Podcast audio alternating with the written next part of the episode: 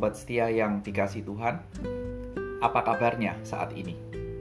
Kiranya kita boleh tetap menerapkan protokol kesehatan bagi diri kita dan juga bagi keluarga kita. Sekali lagi pada hari ini, saya mengajak kita sekalian mendoakan untuk pemerintahan kita, negara Indonesia. Kiranya Tuhan memberikan hikmat dalam mengatur jalannya roda pemerintahan dan juga hari-hari menjelang lebaran di tahun ini. Di episode yang ke-98, SS Podcast saya berikan judul Janji Tuhan yang terambil dari Lukas 21 ayat 5 sampai dengan 24 yang akan dibacakan oleh Wenzel Sutantio, alumni junior ICS yang sekarang menjadi direktur Cimori. Terima kasih untuk supportnya. Tuhan memberkati pekerjaanmu dan memimpin persiapan nikahmu tanggal 10 Juli 2021 dengan Stefani Bubu.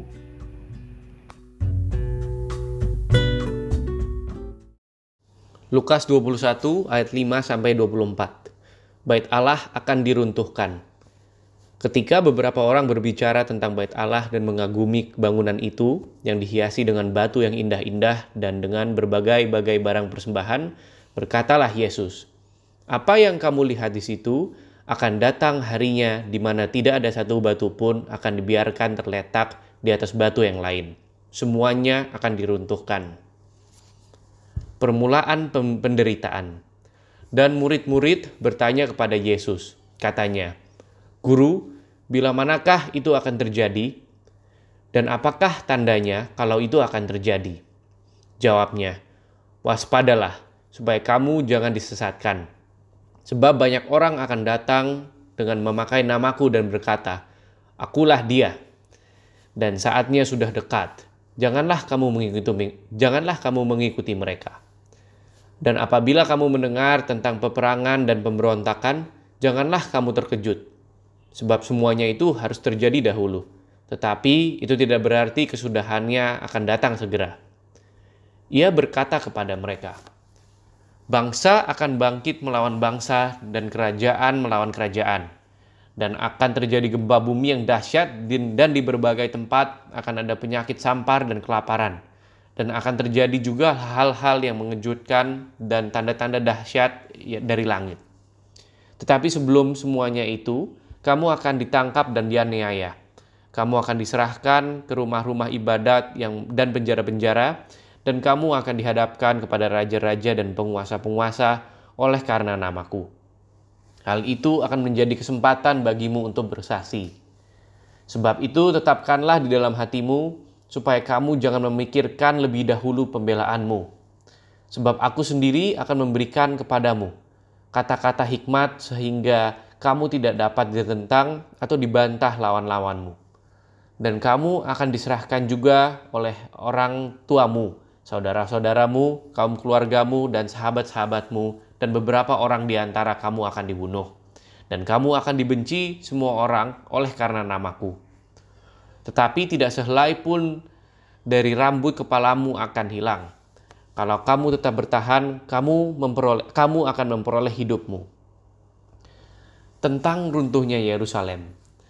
Apabila kamu melihat Yerusalem dikebung oleh tentara-tentara, ketahuilah bahwa keruntuhannya sudah dekat. Pada waktu itu, orang-orang yang berada di Yudea harus melarikan diri ke pegunungan, dan orang-orang yang berada di dalam kota harus mengungsi, dan orang-orang yang berada di dalam pedusunan jangan masuk lagi ke dalam kota. Sebab itulah masa pembalasan di mana akan genap semua yang ada tertulis. Celakalah ibu-ibu yang sedang hamil atau yang menyusukan bayi pada masa itu sebab akan datang kesesakan yang dahsyat atas seluruh negeri dan murka atas bangsa ini. Dan mereka akan tewas oleh mata pedang dan dibawa sebagai tawanan ke segala bangsa.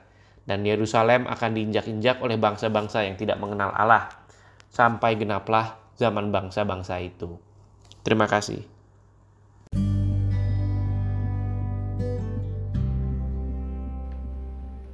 Mari kita bersama-sama berdoa. Tuhan Yesus kembali kami berkesempatan untuk merenungkan firman Tuhan. Biarlah firman Tuhan menyegarkan dan menguatkan iman kami yang sering kali goyah. Demi Kristus, amin. Sobat setia, Beberapa bulan ini, pembantu harian yang biasa datang membersihkan rumah tidak bekerja karena sakit. Kami sekeluarga harus bergantian dan saling membahu untuk mengerjakan pekerjaan rumah dari menyapu lantai, mengepel, mencuci piring, dan lain-lain. Terlintas dalam benak kami bahwa mungkin dengan membeli robot yang bisa menyapu lantai dengan otomatis akan sedikit meringankan beban untuk menyapu rumah. Tetapi istri saya mengatakan, "Coba lihat apa produknya." Ketika kami melihat produk-produk yang ada, produk-produk itu memberikan sebuah tawaran dan banyak iklan yang seakan-akan mengatakan, "Belilah produk ini, maka permasalahannya akan selesai." Masalah yang kalian hadapi akan beres. Ternyata konsep iklan ini kalau kita renungkan dan kita pikirkan, sering kali menempel dalam kehidupan kita. Ketika ada masalah, ketika ada satu hal yang terjadi, kita mencari apa solusinya. Kita membeli apa yang bisa memecahkan masalah itu. Dan ketika kita memahami hal ini, ternyata konsep ini juga merasuk, nyangkut di dalam cara kita mengikut Tuhan. Seringkali kita berpikir bahwa Tuhan Yesus yang kita percaya, yang kita ikuti, akan selalu memberikan kepada kita kelegaan dan membebaskan hidup kita dari segala yang tidak menyenangkan di dalam hidup ini. Dan kalau kita melihat hal ini, inilah salah satu penipuan terbesar yang setan lakukan dengan mempromosikan bahwa percaya kepada Kristus sebagai juru selamat akan membawa kehidupan yang bebas dari segala masalah. Kira-kira kalau diiklankan, iklan itu akan berbunyi, Anda punya masalah? Datang segera kepada Kristus, percayalah kepada Tuhan, maka Dia akan mengeluarkanmu dari segala masalah. Kira-kira itu iklannya. Tapi apakah benar konsep itu? Ketika orang itu percaya kepada Kristus, mungkin sekali masalahnya makin memburuk. Dan setan akan datang kembali dan berkata, Buat apa engkau percaya kepada Kristus? Bukankah hidupmu lebih baik sebelum engkau menjadi pengikut Kristus? selesai sudah bila hal itu terjadi dalam kehidupan anak-anak Tuhan. Ini kalimat saya, bahasa saya bubar sudah. Sobat setia yang kasih Tuhan, Alkitab memang menjanjikan adanya kedamaian, sukacita bagi orang yang percaya di dalam Tuhan. Tetapi Alkitab tidak menjanjikan bahwa hidup akan lepas dari pencobaan, kebebasan dari penganiayaan, bahkan perlindungan dari kematian yang kejam. Alkitab tidak pernah menjanjikan itu. Alkitab menjanjikan kedamaian dan sukacita di tengah-tengah pencobaan. Dan itu semua terjadi ketika kita hanya bersandar kepada Tuhan dan janji-janjinya. Lihat pengajaran Tuhan Yesus dalam bagian ini. Tuhan Yesus memberitahukan bahwa di masa yang akan datang yang merujuk kepada kedatangannya yang kedua kali dan kita tidak tahu kapan kedatangan itu akan terjadi, peristiwa itu akan tergenapi, akan terjadi bencana, penganiayaan bagi para pengikutnya, dan dunia sepertinya akan jungkir balik, tidak karu-karuan. Ingat kembali dan baca ayat 12. Dan ketika Tuhan Yesus mengajarkan hal ini, Tuhan Yesus bukan sekedar mau memuaskan rasa ingin tahu orang atau murid-muridnya tentang akhir zaman. Dan kita tahu, sampai dengan detik ini, di zaman ini, topik akhir zaman selalu menarik bagi kalangan Kristen mau tahu tentang apa akhir zaman. Tapi Tuhan Yesus bukan sekedar mau memuaskan, memberikan pengetahuan. Dia tahu, tahu, tapi bukan itu tujuannya. Tuhan Yesus sedang mencoba untuk menanamkan iman kepada murid-muridnya, sehingga mereka tidak jatuh pada saat mengalami derita aniaya yang hebat atau kekacauan yang ada di dalam dunia ini. Kalau kita memikirkan akan pengajaran ini, kita perlu bertanya, kapan hal itu terjadi? Bukan untuk mencari tahu, tapi kita perlu memikirkan rasanya hidup akan dibayang-bayangi oleh suatu ketakutan yang besar karena siapa yang sanggup dalam hidup ini ketika kita mau menyiapkan diri menghadapi kesulitan dalam kehidupan kita. Kita bersiap-siap, kita berjaga-jaga, waspada, menyambut kesulitan adalah sangat baik. Tapi seberapa siapnya kita, kita tetap tidak akan siap ketika kesulitan itu tiba.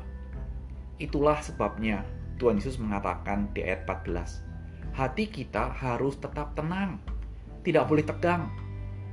Hati tenang dan tidak tegang. Dalam bahasa saya adalah itu bisa terjadi ketika hidup kita percaya dan bersandar kepada Kristus. Dan ketika kita percaya dan bersandar kepada Kristus, Dia yang akan memberikan kata-kata hikmat kepada kita untuk membela, bertahan dalam derita aniaya, dan bahkan bersaksi bagi Dia. Tuhan juga mengatakan bahwa orang-orang yang setia, beriman, tidak akan ada yang binasa. Kristus akan memelihara dan menyelamatkan jiwa mereka. Perhatikan ayat 18 dan 19. Walaupun kita, mereka, dianiaya tubuh dan jiwanya, tapi jaminan itu Kristus berikan.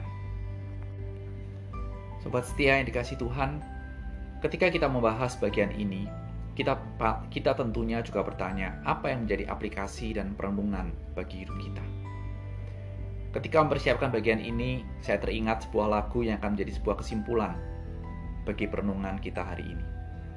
Bahwa lagu itu mengatakan, Tuhan tak janji langit biru, bunga terus harum di jalanku. Tuhan tak janji selalu cerah, senang tak susah selalu aman. Tuhan janjikan hidup kuat, jalan dipimpin perhentian, ujian dan bahaya disertainya, tak terbatas rahmat kasihnya. Itulah lagu yang menjadi penutup dan perenungan kita. Dan inilah yang dijanjikan Tuhan dalam hidup kita. Hari ini, besok, dan selamanya. Hidup kuat dalam penyertaan dan pimpinan Tuhan. Sobat setia, selamat hari Selasa, selamat beraktivitas, dan nikmatilah pimpinan serta penyertaan Tuhan dalam hidupmu. Amin.